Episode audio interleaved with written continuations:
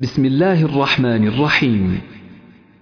قال الشيخ الإمام الحافظ أبو عبد الله محمد بن إسماعيل بن إبراهيم بن المغيرة البخاري رحمه الله تعالى. آمين.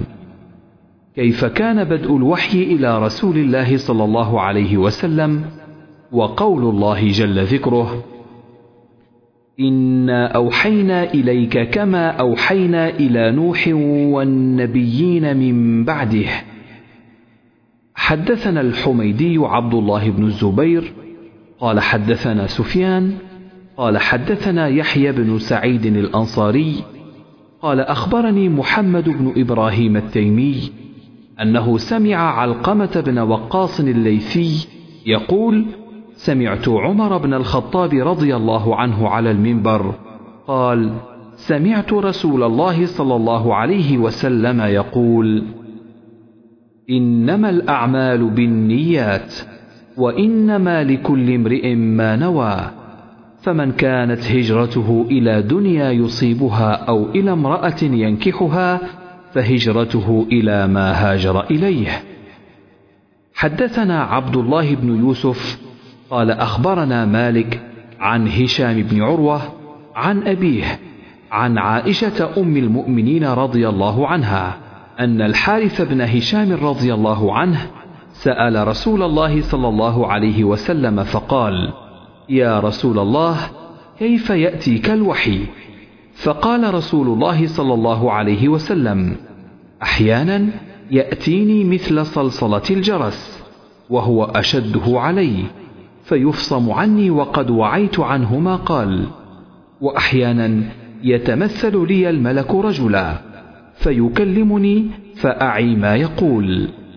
قالت عائشة رضي الله عنها ولقد رأيته ينزل عليه الوحي في اليوم الشديد البرد فيفصم عنه وإن جبينه ليتفصد عرقا.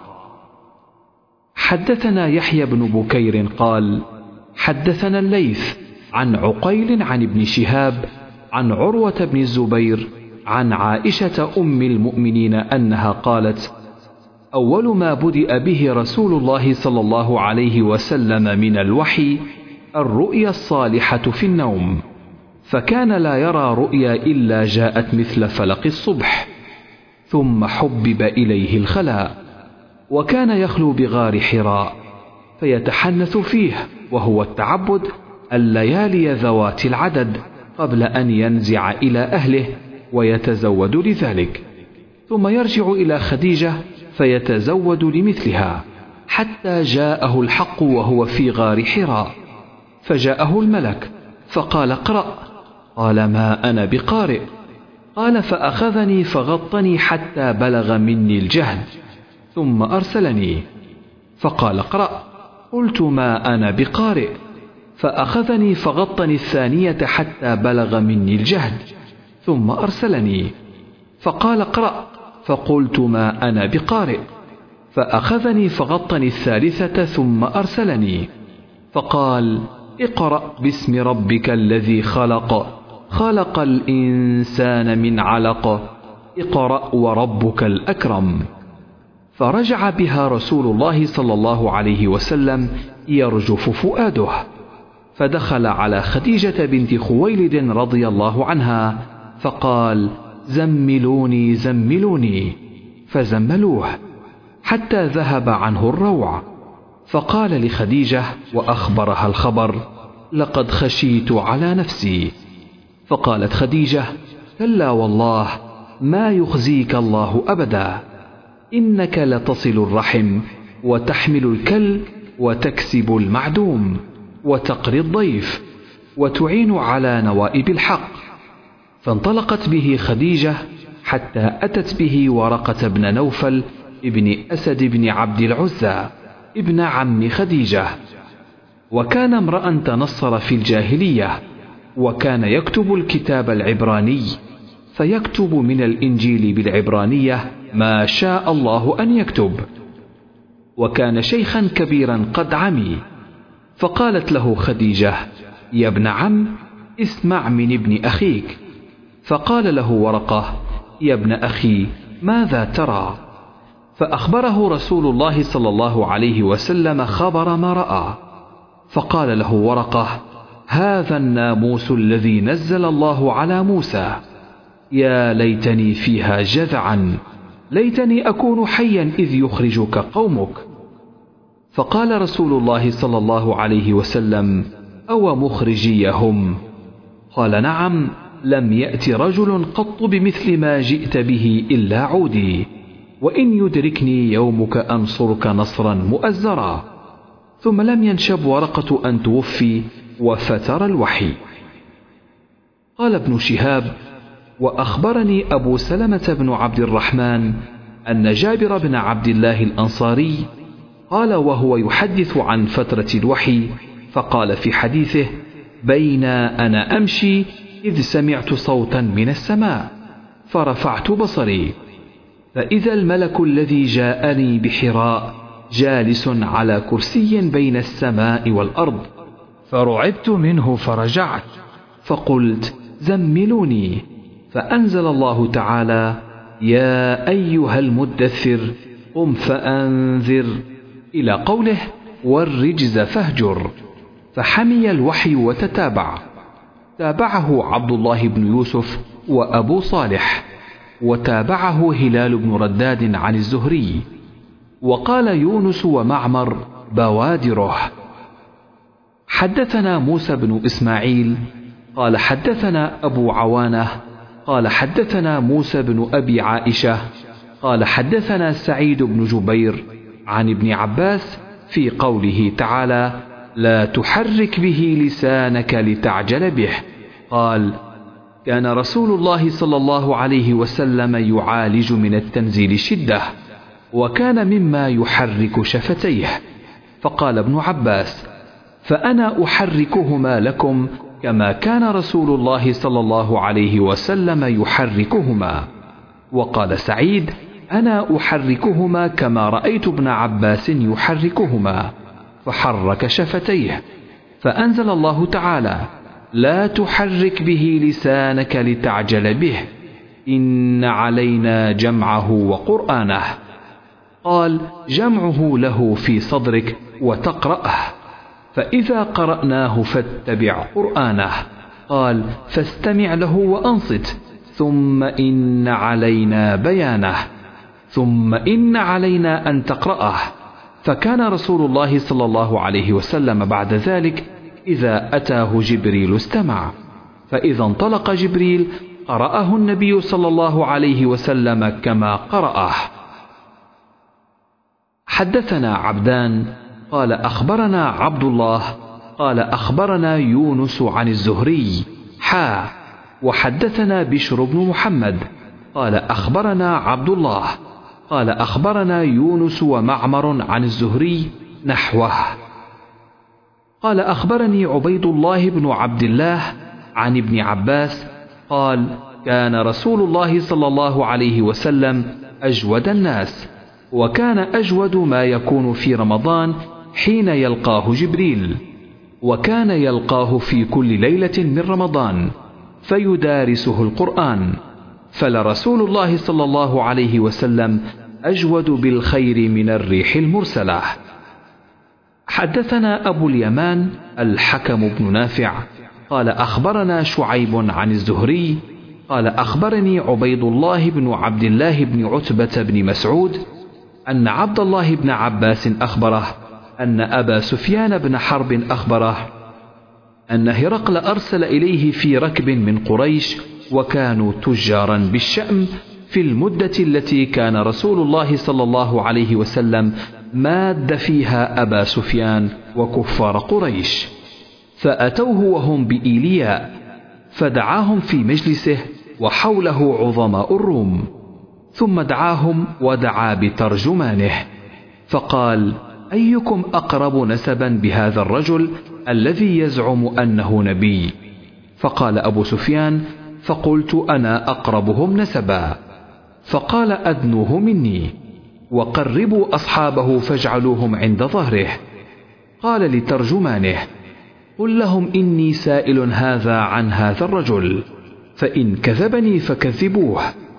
فوالله لولا الحياء من أن يأثروا علي كذبا لكذبت عنه.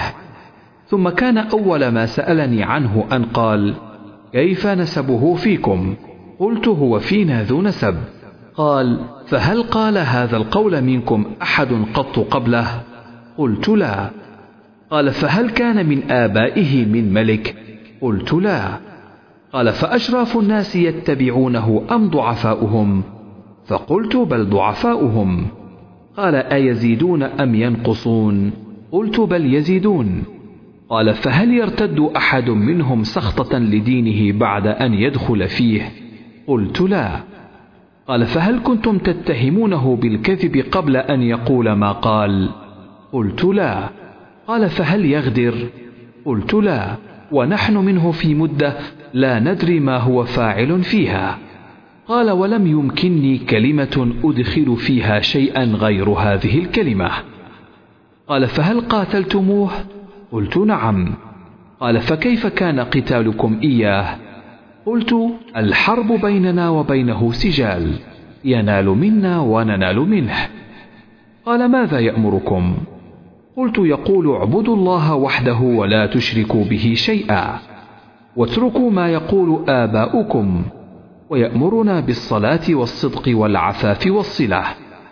فقال للترجمان قل له سألتك عن نسبه فذكرت أنه فيكم ذو نسب. فكذلك الرسل. تبعث في نسب قومها. وسألتك هل قال أحد منكم هذا القول؟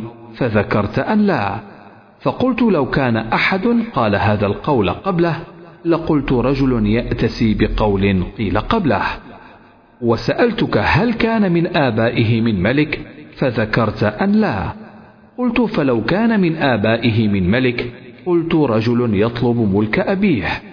وسألتك هل كنتم تتهمونه بالكذب قبل أن يقول ما قال؟ فذكرت أن لا. فقد أعرف أنه لم يكن ليذر الكذب على الناس ويكذب على الله. وسألتك أشراف الناس اتبعوه أم ضعفاؤهم؟ فذكرت أن ضعفاءهم اتبعوه وهم أتباع الرسل. وسألتك أيزيدون أم ينقصون؟ فذكرت أنهم يزيدون. وكذلك أمر الإيمان حتى يتم. وسألتك أيرتد أحد سخطة لدينه بعد أن يدخل فيه؟ فذكرت أن لا. وكذلك الإيمان حين تخالط بشاشته القلوب. وسألتك هل يغدر؟ فذكرت أن لا. وكذلك الرسل لا تغدر. وسألتك بما يأمركم؟ فذكرت أنه يأمركم أن تعبدوا الله ولا تشركوا به شيئا. وينهاكم عن عبادة الأوثان ويأمركم بالصلاة والصدق والعفاف. فإن كان ما تقول حقا فسيملك موضع قدمي هاتين. وقد كنت أعلم أنه خارج لم أكن أظن أنه منكم. فلو أني أعلم أني أخلص إليه لتجشمت لقاءه. ولو كنت عنده لغسلت عن قدمه. ثم دعا بكتاب رسول الله صلى الله عليه وسلم الذي بعث به دحية إلى عظيم بصرى فدفعه إلى هرقل فقرأه فإذا فيه بسم الله الرحمن الرحيم من محمد عبد الله ورسوله إلى هرقل عظيم الروم سلام على من اتبع الهدى. أما بعد فإني أدعوك بدعاية الإسلام أسلم تسلم. يؤتك الله أجرك مرتين فإن توليت فإن عليك إثم الأريسيين. ويا أهل الكتاب تعالوا إلى كلمة سواء بيننا وبينكم. ألا نعبد إلا الله ولا نشرك به شيئا. ولا يتخذ بعضنا بعضا أربابا من دون الله. فإن تولوا فقولوا اشهدوا بأننا مسلمون. قال أبو سفيان فلما قال ما قال وفرغ من قراءة الكتاب كثر عنده الصخب وارتفعت الأصوات وأخرجنا.